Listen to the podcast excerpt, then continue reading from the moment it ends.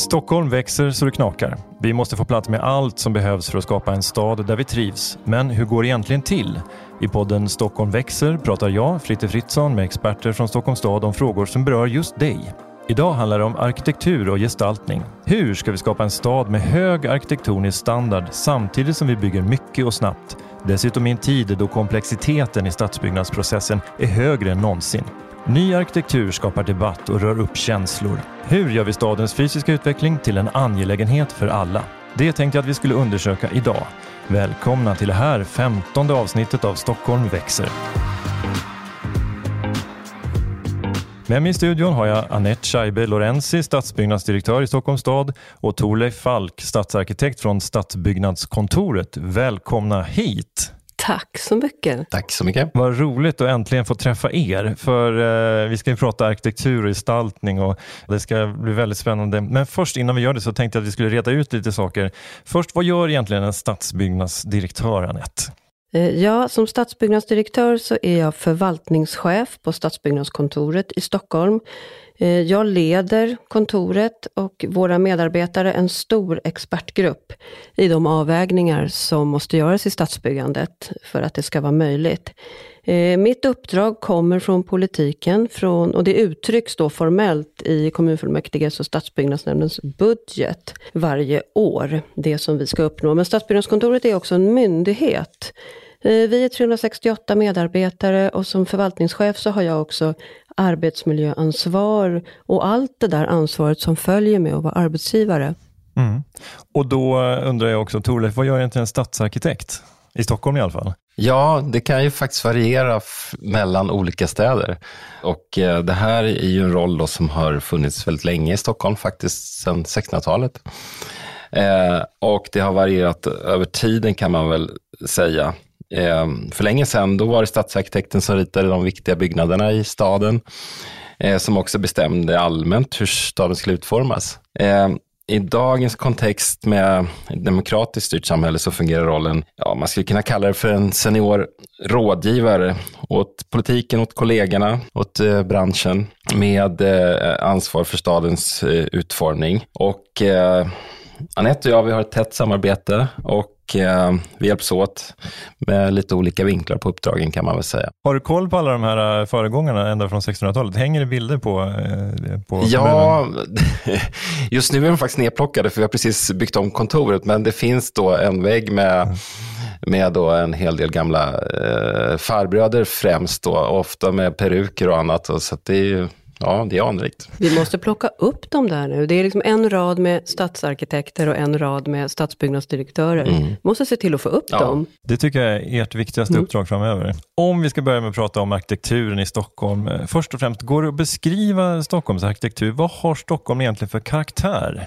Staden har ju en lång historia med, av strukturerad eh, planering kan man säga. Samtidigt så är det ju stort motstånd i naturen. Men det är kanske också det som har gjort Stockholm så eh, karaktäristiskt. Eh, just den här medvetna planeringen i ett ganska eh, avancerat eh, naturlandskap. Ja, för det är ju dels då mycket vatten och sen är det dels mycket berg som skapar topografin i landskapet. Men är det är det, det som är Stockholms unika karaktär? Eller ja, del av det mycket de här stora öppna eh, landskapsrummen skulle jag säga. Så att man, man betraktar staden på håll. Om du jämför med Köpenhamn till exempel, så då rör man sig i gatorna, i kvarteren på ett annat sätt. Här ser man ju stora delar av Stockholm på distans och det är väldigt speciellt. Alltså, det är väl när man kommer hem, det här det är, väldigt, liksom det är väldigt tydligt då. Om man har varit borta så kommer man hem till Stockholm. Som siluetten, kyrktornen, de här långa vyerna, utblicken. Det är alltid en liksom, som slags högtidlig känsla, men det ger också ett lugn. Det skapar ett lugn. Och sen tänker jag som utmärkande för Stockholm, det är också det här med doft eller liksom från Saltsjön eller från Mälaren. Det är ljuset, det är ett speciellt ljus, självklart beroende på årstid. Men, men, det är någonting med Stockholm som självklart har bäring på topografin och vattnet och förkastningsbranterna. Det, det känns som att på något sätt att, att vi, när vi pratar om Stockholms karaktär, att det handlar om naturvärden på något sätt, trots att vi pratar om en stad. Eller? Ja, fast de naturvärdena, alltså, det, det, finns ju lika mycket värden i den byggda miljön, det vi ser. Men om man, om man pratar om det byggda då, kan man säga säga någonting om materialitet eller färger eller eh, former? Vi, vi pratar ju mycket om Stockholmsfärger. Det är någonting som, vi kanske återkommer till det sen i byggnadsordningen också. De traditionella liksom, varma putsfärgerna som gör sig väldigt väl i vårt klimat. Det är någonting som vi har plockat upp vi tänker att det kommer bli allt mer viktigt när vi bygger mer och mer. Det finns något med det, jag tror att eh, Stockholm har någon slags aura. Det är ganska lågmält och, och en ganska jämn höjd på byggnationen och så följer den topografin och sen de här monumentalbyggnaderna sticker upp då. Mm, och, det, och det gör ju att, att det blir någon slags ståtlighet och sen den här lite eh, varma, eh, lugna tonen då som, som Anette nämnde här. Det, det, blir en aura över staden, det är en särskild stämning och eh, den är ju väldigt stilig. Mm. Och värd att bevara också, eller utveckla? Både och. Ja, precis, samverkan. Och jag tänker just det där när man, återigen när man kommer hem, eh, att, att man ser Stockholm. Bero, och, och, du ser, var du än är i Stockholm så ser du de här långa utblickarna. Det är nästan ingen annan stad där man ser på det sättet och kan orientera sig på det sättet också. Ja, men det är ibland när man liksom cyklar över Västerbron, ja. någon eh, sommarmorgon efter någon lite för sen fest och man tänker så här, får nypa sig i armen, det här var ju otroligt mm. grant. Alltså. Mm. Ja. Det... En grundläggande fråga då, varför är arkitektur så viktigt? Ja, men jag skulle väl säga att, att eh, det, det, viktiga är ju kanske att eh, det berör alla. Om man tänker, mycket konst är, kan man ju ha i ett slutet rum och välja att betrakta eller eh, uppleva. Arkitekturen är på något sätt något som påverkar alla och det är också arkitekturen som inramar de offentliga rummen, som skapar de offentliga rummen och där vistas ju alla egentligen. Och sen tänker jag att arkitekturen, rätt använt, så kan det faktiskt lösa många av samhällets utmaningar eh, och bidra också till en väldigt upplevelserik och dynamisk miljö som, som är viktigt. Och fel använt kan man väl säga, så kan det vara motsatsen. Så det är viktigt. Men kan man utvidga begreppet arkitektur och säga att arkitektur handlar lika mycket om hur vi utformar gatan så att cyklarna kan mm. ta sig fram som om liksom, hur fasaderna ser ut? Ja, vi har ju faktiskt försökt i något av våra dokument att liksom definiera begreppet. Eh, och vi menar väl att det är ett sätt att organisera eh, egentligen det byggda mm. i olika skalor. Sen är det ju så att för att liksom, tillgodogöra sig arkitektur, det som vi menar med arkitektur, och för att kunna njuta av det, så behöver du inte kunna någonting om arkitektur. Det är liksom goda miljöer. Det är någonting som man mår bra av utan att så man behöver inte reflektera över liksom själva arkitekturen. Man mår bra av det i alla fall. Mm.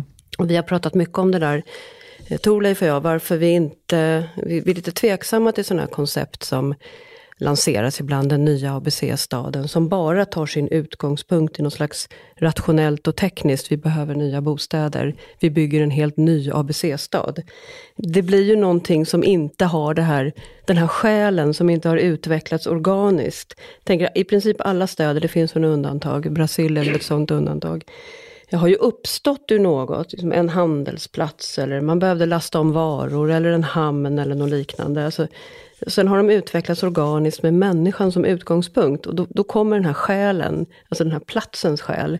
Och en alltför rationell planering, det riskerar att det blir något väldigt otrivsamt. Och då, de människor som har möjlighet att flytta ju därifrån.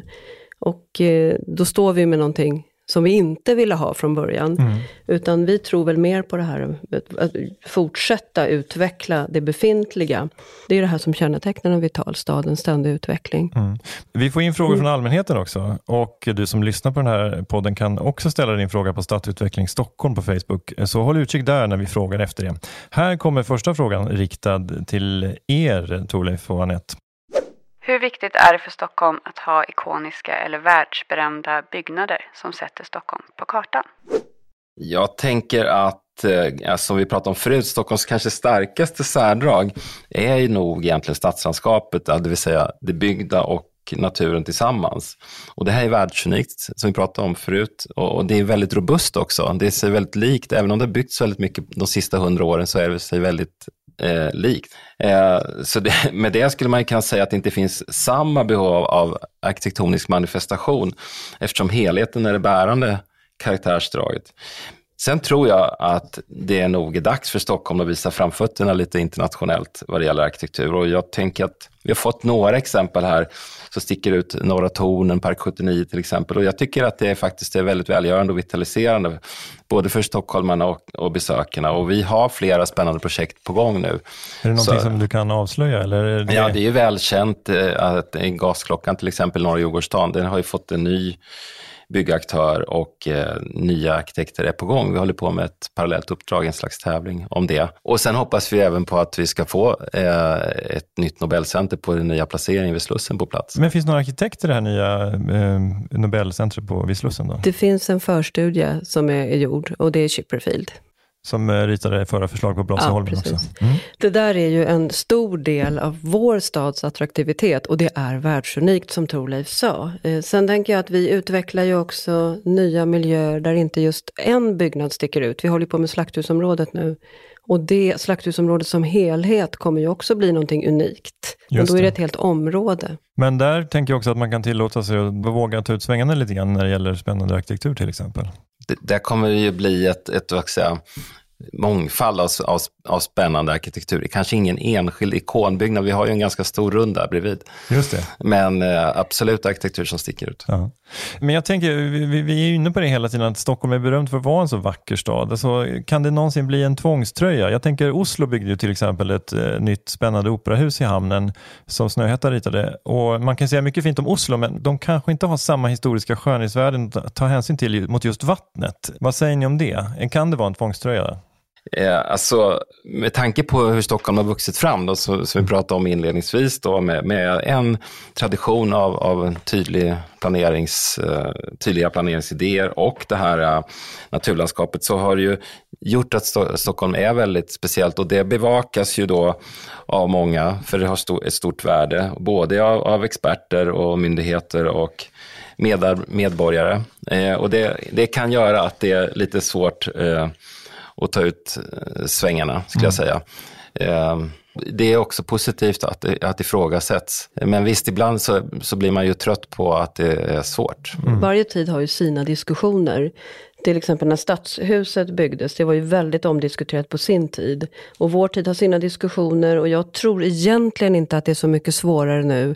Men med till exempel sociala medier så har debattklimatet, diskussionsklimatet blivit så hårt varje tid kommer alltid ha sina diskussioner. Mm. Men, men rent generellt då, hur tänker ni när man väver samman gammalt och nytt i Stockholm? Eh, är det olika regler som gäller i innerstan kontra längre ut till exempel? Det är, det är en stor utmaning och, och något som är väldigt spännande tycker jag och något som jag faktiskt också efterfrågar. Eh, med tanke på att vi har, så, vi har många områden som ligger under riksintresse och som har stort kulturhistoriskt värde, eh, så finns det många experter och jag, ibland så kan jag uppleva att, att det finns, blir en slags bevakning som är i hög grad väldigt akademiskt eh, kring läsbarhet och förståelse av de historiska lagren. Viktigt såklart. Eh, men ibland skulle jag önska kanske att arkitekturen kunde ses mera som ett svar, att de konstnärliga och sinnliga värdena i arkitekturen skulle kunna föra staden framåt eh, genom att väva samman det gamla och det nya. Mm. Det, det, blir så viktigt att det är läsbart så det kan bli lite kantigt ibland, upplever jag i Stockholm. Vi har, ser mer av det här på kontinenten och i södra Europa skulle jag säga. Ja. Men om du skulle exemplifiera då det som de gör bra där nere på kontinenten och som ni skulle vilja ta efter? Operahuset i Lyon till exempel. Ja, ett exempel. Jag tänker direkt på, på tal om Chipperfield, mm. Altes museum i Berlin, mm. som jag tycker är ett fantastiskt eh, exempel på hur man kan väva ihop gammalt och nytt. Mm. Operahuset i Lyon ska vi säga då, det är Jean Nouvel då, som har byggt på mm. ett gammalt, eh, otroligt fint stenpalats med mm. liksom en, en jättestor båge. Mm. Eh, det är synd att podd inte är ett bildmedium, men det är mm. ett väldigt fint tillägg. Nej, operan i, i uh, Hamburg, Herzogenaurach, det är ju väldigt avancerat ja. och, och, och, ger ju väldigt mycket till staden. Mm. Men det som Torleif beskriver här, det är ju liksom en diskussion som, som vi har väldigt ofta. Eh, just hur man kan få ta stöd i det gamla och liksom tillföra ny arkitektur istället för att konservera. Mm. Men man kan ju man kan säga att det finns två olika eh, ytterligheter. Det ena är då att man, att man bygger väldigt varsamt och nästan lite historiserande bredvid en gammal byggnad och liksom försöker efterlikna. Med, med, om det är tegel så tar man också tegel och man kanske tar upp motiv från gaveln. Och det andra är ju att man, man bygger något modernt i glas som på något sätt ändå försöker vad ska man säga, prata då, inom citattecken med det gamla. Mm. Det enkla är ju att göra någonting som helt bryter. Eh, och sen påstå det, att det är då väldigt läsbart och, och kulturhistoriskt korrekt. Ja. Det svåra skulle jag säga är ju att fånga upp eh, grammatiken i det gamla och tolka det till någonting samtida. Men det, är det skulle jag säga blir mer raffinerat som regel. Men då kan man då till exempel eh, kika på Asplunds eh, utbyggnad av, av rådhuset i Göteborg? Yes. Ja, det är väl en sån grej som, som alla återkommer till? Där sitter det som en smäck. Ja, ja, den är fin.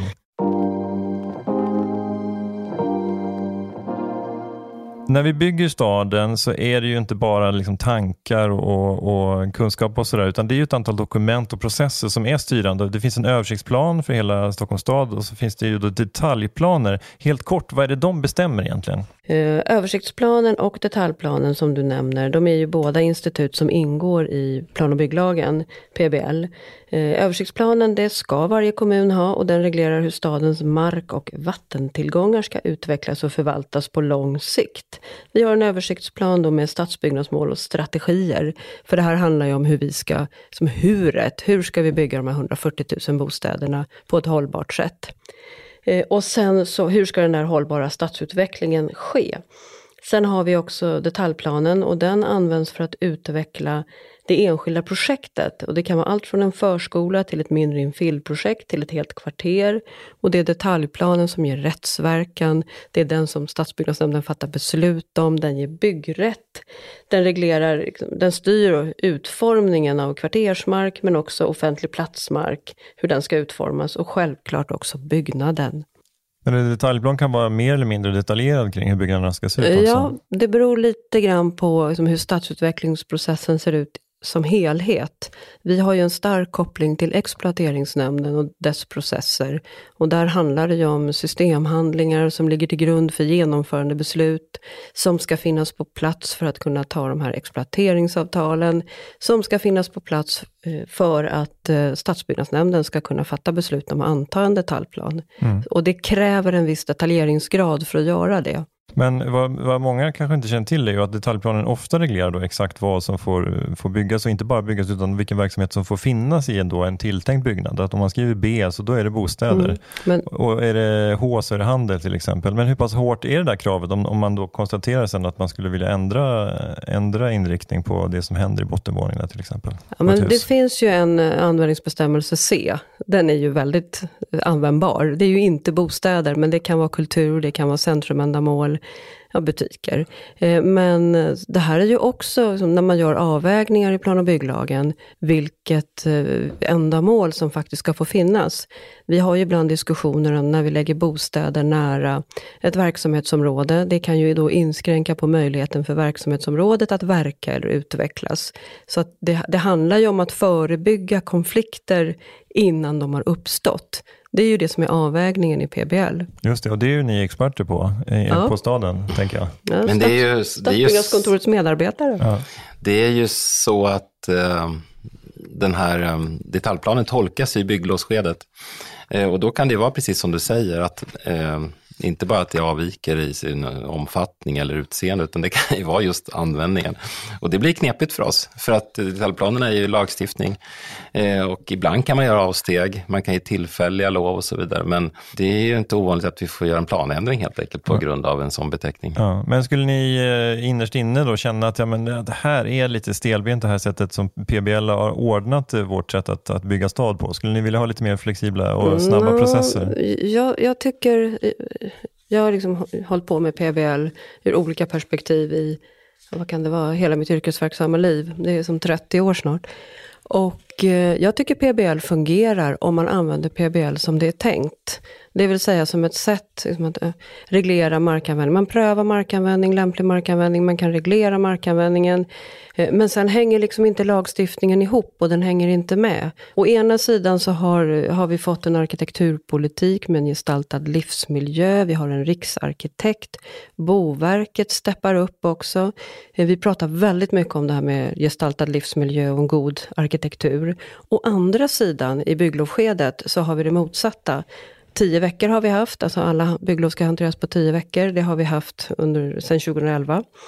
Men på senare år så har vi också då fått, om vi inte hanterar dem inom tio veckor, så får vi inte ta betalt för våra bygglov. Vi är ju intäktsfinansierade. Vilket innebär att den här rådgivningsbiten ofta faller.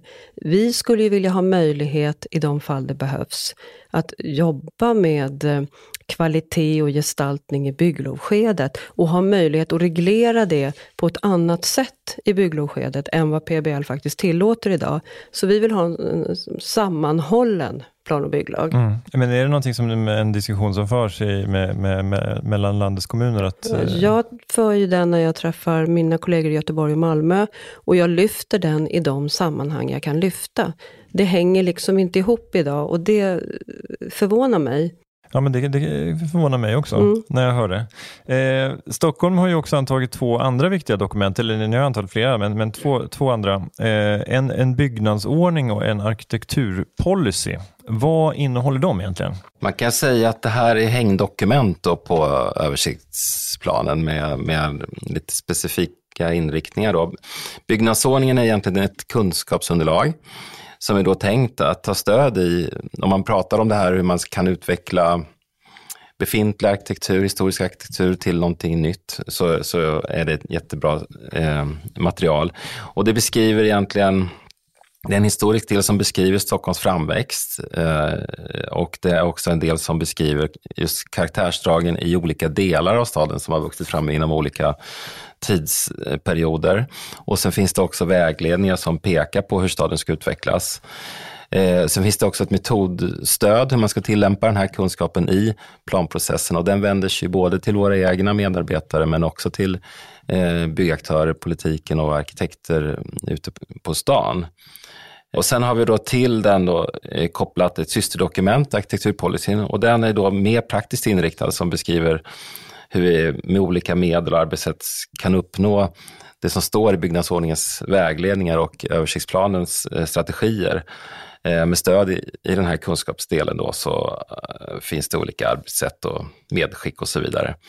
Och det här arkitekturpolicyn det berör just ämnet arkitektur. Planeringsprocessen har blivit så komplex och det är så enormt många frågor som ska prövas i planprocesserna så att Eh, min upplevelse är att vi pratar inte så mycket om arkitektur, så att den här eh, dokumentet är då inriktat på just ämnet arkitektur vi hoppas att det ska bli till stöd. Det, det som Torleif beskriver nu, det är liksom ett led i det som vi har jobbat med under en längre period. Ta fram strategier för stadens gestaltning. Vi måste samordna de här frågorna. Det är, en, som jag sa tidigare, en stor verksamhet.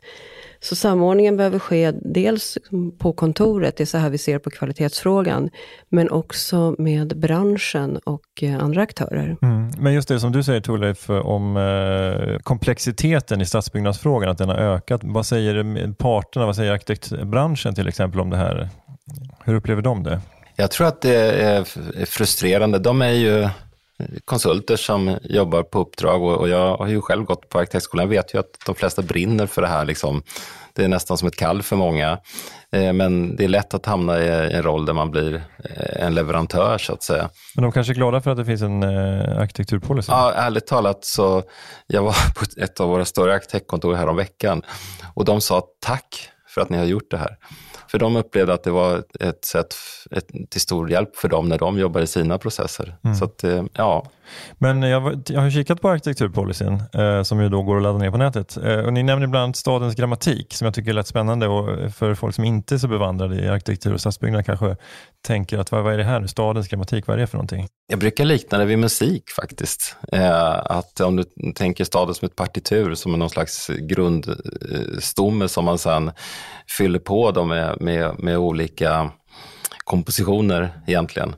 Eh, och så småningom så uppstår det ju då en väldigt stor skala och då kommer ju de här årsringarna till slut och, eh, som vi har att förhålla oss till. Så det, det är faktiskt väldigt skönt att, ha ett stöd i det också, också i ett resonemang, eh, kunna enas kring det här.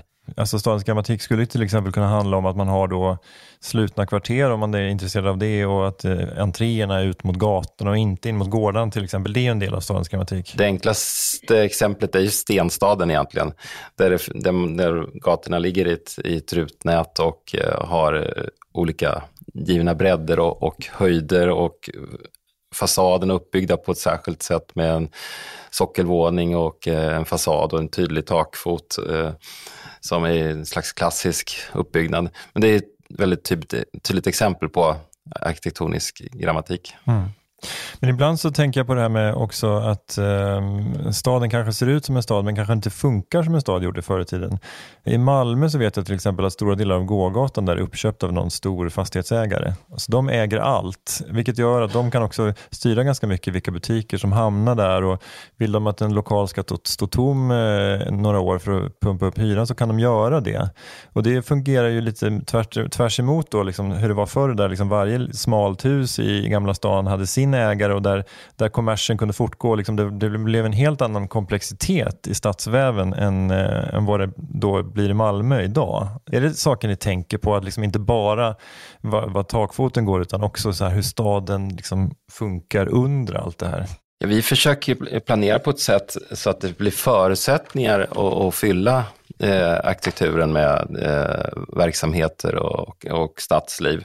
Men vi råder ju inte över hur fastighetsägarna eh, använder byggnaderna. Och det är, det är precis som du säger, man, mycket av arkitekturen idag är ju generiskt. Man kan säga att det är investeringsobjekt mm. i, i, högre grad än, det var det kanske för enskilda personer på den tiden, men nu idag så är det stora börsbolag som investerar i fastigheter och, och försöker ju att maximera utkomsten såklart. Det som du lyfter nu är ju väldigt, liksom, det är jätteintressant och viktigt. Mm. Vad är innehållet? Liksom, hur fyller vi staden med det innehåll vi önskar? Sen tänker jag till skillnad, jag vet, jag vet inte, faktiskt inte hur det funkar i Malmö, men vi har ju en tradition av att ha olika samverkansforum med fastighetsägarna i city, de större fastighetsägarna och komma överens om liksom, vissa saker som skyltning eller uppvärmning av gator eller vad det nu kan vara. Det, det, handlar ju inte om vilka hyresgäster, men det blir ändå någon slags samverkan kring hur ett gaturum ska utvecklas, hur en gata med dess butiker ska utvecklas. Mm. Det tror jag är viktigt. Just det. Jag skulle kunna säga då att om vi inte alltid har rådighet över hur fastigheterna används, så har vi större rådighet över de offentliga rummen. Mm. Så gatorna och, och torgen är, och egentligen så har det kanske den största utvecklingspotentialen i en stad som Stockholm. Det är där alla människor kan röra sig. Det är inte bara de som har tillgång till byggnaderna så att säga, utan där kan ju både invånare och besökare röra sig. Så att det är kanske en av de viktigaste uppgifterna. Just det. Och då har ni en annan eh, samverkanspartner förutom exploateringskontoret och det är ju då eh, Trafikkontoret väl? Som ju är ansvarig för mycket av den ja. offentliga ytan. Vi skapar ju, alltså, planerar miljöerna och skapar förutsättningar för att fylla dem då. Men sen är det våra syskonförvaltningar som, och, där, och de kommersiella såklart. Och där är det jätteviktigt att visst, det finns gränssnitt, men vi måste ha samverkan. Vi har det också, men den kan ju alltid bli ännu bättre. Mm. För, det liksom, för medborgaren finns det ju, eller de som rör sig i stan, finns det ju ingen skillnad vilken förvaltning det är som hanterar det här, utan vi måste bara se till att det är som attraktivt, tryggt, mm. br bra helt enkelt. Stockholms stad har ett bostadsmål att bygga 140 000 nya bostäder till år 2030. Hur ska det målet nås? Jag kan väl säga att det, om man har hållit på med det här några år kan man konstatera att det blir allt svårare att göra det här. Det blir mer och mer komplext. Det krävs större och uh, större säga, uh, eh, förarbeten i form av olika utredningar. Det är självklart så att klimatförändringar och så, uh, det finns skäl att ställa krav på det. Men ibland kan jag tro att det här med utredningar, så, så fort man är osäker på en fråga, mm ja, vi tar en utredning till. Där måste vi liksom fundera tillsammans med statliga myndigheter om det finns liksom, något smartare sätt att göra det här på. Och sen komplexiteten har ju också ökat i och med att det finns, det är mer och mer, det finns inte lika mycket mark som är så att säga enkel att bygga på längre. Utan det är alltid någonting, det är buller eller det är risk. Det är liksom alltid någon fråga som gör att det blir väldigt komplext. Så ju mer Stockholm växer, desto svårare är det att bygga nytt kan man säga? Ja, jag skulle säga mer komplext, mm. för vi ska göra det. Vi fortsätter. Vi startar 10 000 bostad, nya bostäder varje år. Finns det några andra utmaningar med det här? Och går det att bygga så här snabbt och samtidigt hålla hög kvalitet till exempel? Ja, men det, det är ju en utmaning ska jag säga. Det, varje plan blir ju väldigt krävande i och med att det är så många frågor som ska prövas. Men det är klart man skulle kunna fundera på men hur Stockholm har byggts historiskt, har man ju byggt till lite större eh, grupperingar. Det har vi inte gjort på väldigt länge. Så att om man skulle kunna bygga med god kvalitet och en medveten upprepning och god planering så skulle ju det möjligen kunna vara ett sätt. Alltså att bygga i större, större områden åt gången då? Ja, nu har vi inte så många sådana områden kvar. Nej. Men nu ska vi ju faktiskt, vilket är utmanande, att ställa, alltså att, att bygga i redan befintliga miljöer där människor bor. Det är ju, Torleif, det är ju den verkliga utmaningen ja, nu. Man kan säga att vi är ju Årstafältet nu då och sen är det ju i, i Värtan. Och Slaktis. Och, och Slaktis är ju mm. någon mening förtätning. Eh, så, så att det, det, är inte så mycket sådana områden mm. kvar i Stockholm. Men Värtan känns ju som, och, och även Slaktisområdet känns ju, eh, att de är säkert superkomplexa att bygga, men, men, men när man bygger i en sån gammal industrimiljö så där, där har, dels har man lite gamla byggnader som man kan eh, inkludera som skapar en, en karaktär. Mm. Men dels kanske man inte behöver vara super eh, alltså försiktig. Det ska ju vara goda livsmiljöer såklart, men man kan, man kan ändå på något sätt börja liksom lite från Det är ju väldigt höga kulturhistoriska värden i de här gamla byggnaderna också som beskriver ofta en industrihistoria och det, det är ganska starka krafter som värnar det. Sen är det ju mycket föroreningar och, och den typen av utmaningar. Och ibland så är det också eh, viss industri kvar som konkurrerar eh, Eh, och med bostadsbyggandet som också försvårar. I Värtan har vi till exempel ett, ett starkt mål att hålla sjöfarten igång, eh, vilket då ger buller och gör svårt att förverkliga bostäderna som vi samtidigt planerar. Just det. När det ska byggas i Värtan och, och ja, Norra Djurgårdsstaden och Slakthusområdet, så där, hur pass mycket inflytande har ni egentligen över arkitekturen, förutom då det här med vad som står i detaljplanen? Alltså, nu för tiden så ställer ju vi ganska stora krav på gestaltningsprogram. Torleif, du leder ju det arbetet i flera av de här områdena. Mm, nej, men jag, kan, jag skulle säga att vi har ganska stort inflytande. Vi, eh, de viktiga eh, projekten har vi oftast tävlingar eller parallella uppdrag som vi kallar det då, där vi då prövar olika arkitektkontor mot eh, varandra så att säga och eh, prövar olika idéer. Och eh, i de här dokumenten då så har vi också arbetat fram en ganska tydlig metodik då man ska ta sig igenom ett antal Eh, frågeställningar och beskriva en arkitektonisk idé på ett bra sätt och pröva projektet utifrån olika aspekter, utifrån olika skalor. Så att det är en ganska omfattande metodik vad det gäller gestaltningen mm. eh, numera. Så att jag upplever att eh, det blir kvalitetssäkrat på, på ett nytt sätt. Mm. Eh, och jag ser också hur arkitektkontoren anammar det här och hur medarbetarna följer det och politiken också. Okej, okay, så det finns vägar att gå? Jag skulle säga att det svåra är de här som kanske bygger en gång. Mm. Jag skulle säga att det är inte bara den goda relationen, utan det är också eh, de, de som är långsiktiga. Alla har ett gemensamt ansvar. Alltså jag känner aldrig att vi är ensamma i den frågan, utan det går, all, det går att resonera sig fram. Det finns ett stor, stort problem i, i den här planerings och byggprocessen, skulle jag säga, och det är att Eh, under detaljplanprocessen så är det oftast eh, hos oss då, vissa medarbetare och hos byggaktörerna så är det vissa medarbetare där också och vissa arkitekter. Men i genomförandeskedet, så ibland byts arkitekterna ut och det byts också ofta ut eh, de som är på byggarföretagen är mer genomförande eh, profil på och så är det bygglov. Så att det är lätt att tappa tråden. Det är svårt att följa projekten genom hela processen. Dels för att den är så lång och sen är det så olika kompetensområden. Och det där, alltså det jag lyfte tidigare också, det här att eh, PBL, alltså lagstiftningen hänger inte ihop från eh, detaljplan till vad som är möjligt att reglera i bygglov. Mm. Ja, men jag, jag, skulle verkligen vilja se någon tydligare koppling där, för då kommer man åt delar av det som du beskriver Torleif. Ja. Men då eh, gör vi ett litet medskick till, eh, Mm. till regeringen och, och riksdagen och Boverket och vilka det nu är som... som eh, Vi gör det som, med jämna Ja, mellanrum. vad bra. Ja. Podden heter ju Stockholm växer. Hur ser det ut från ert perspektiv? Hur vill ni att Stockholm ska växa? Då menar jag liksom lite de stora dragen. Hur ska Stockholm växa samman som stad i det som ni bygger nytt?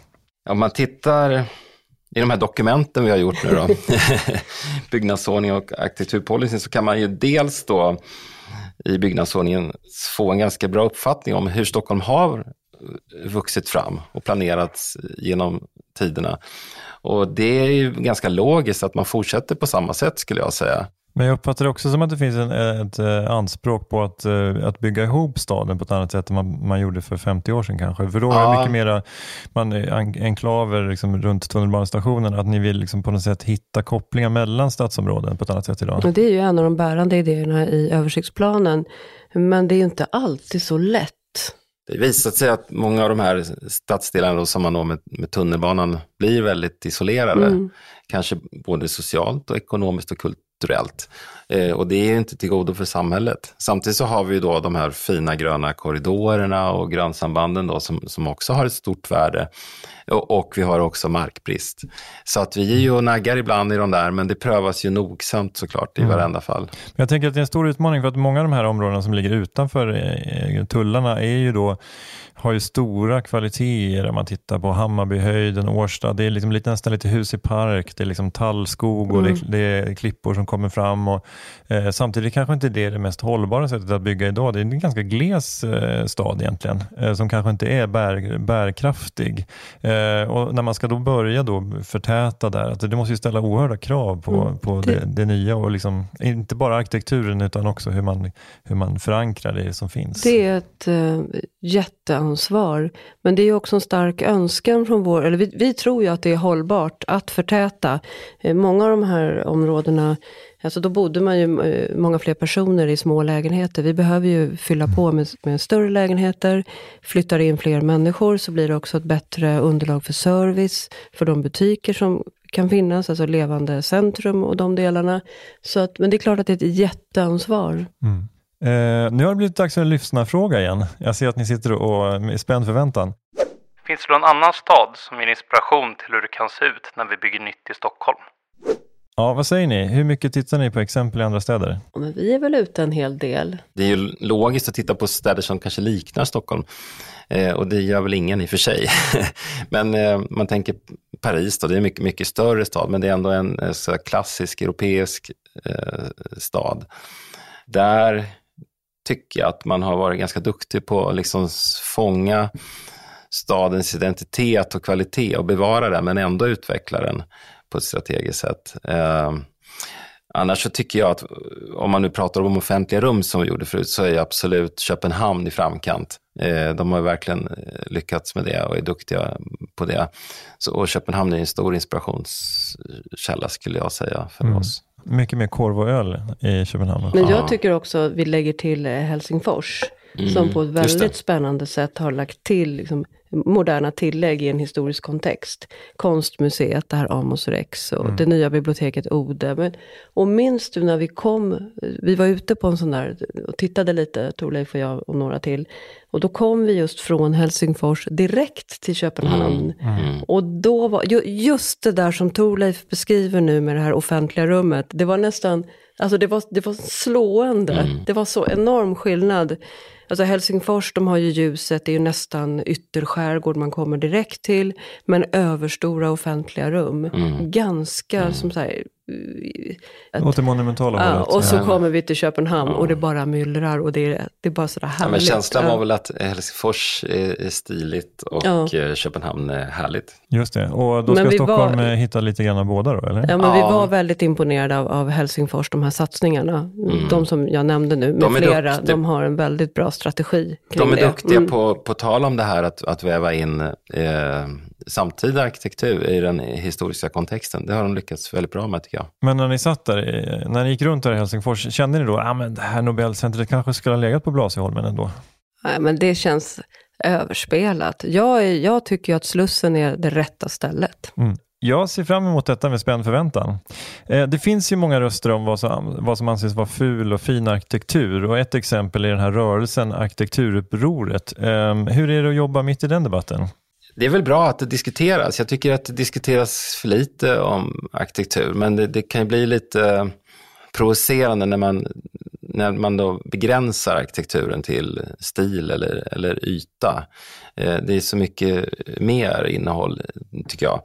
Så det, det kan väl störa mig ibland. Men jag tycker att det är bra att det diskuteras mm. och att, att vi ifrågasätts, kåren ifrågasätts. Jag skulle önska att arkitekterna var lite mer delaktiga i uh, debatten faktiskt. Det känns som att uh, Gert Wingård dyker upp titt som tätt, men det är inte så många andra röster som hörs, i alla fall inte i dagspressen och i tv.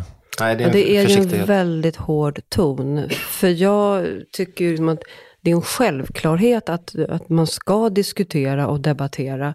Som Stockholm och utvecklingen, det, det, det berör oss alla. Jag tycker det är jätteviktigt hur stan ska utvecklas, att vi pratar om det. Men då är det det där med den hårda tonen och att eh, det saknas den här diskussionen, men det nämnde jag tidigare, om innehållet. Mm. Vi försöker lösa ett antal frågor också, till exempel bostadsbristen.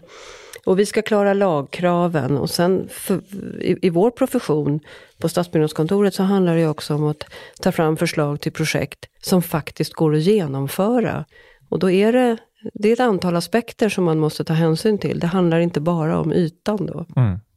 Vi står ju också eh, inför gigantiska utmaningar, klimatförändringarna till exempel. Hur påverkar det ert arbete? Både när det gäller diskussionen om kommer vattennivåerna höjas men också hur vi ska bygga hållbart för att då inte eh, bränna fossila bränslen, för att inte använda för mycket material och sådär. Det är ju en jättefråga som tar stort utrymme i, i planprocesserna i, i en vad ska jag säga, större omland eh, i första hand kanske, men sen såklart även i själva byggnaderna.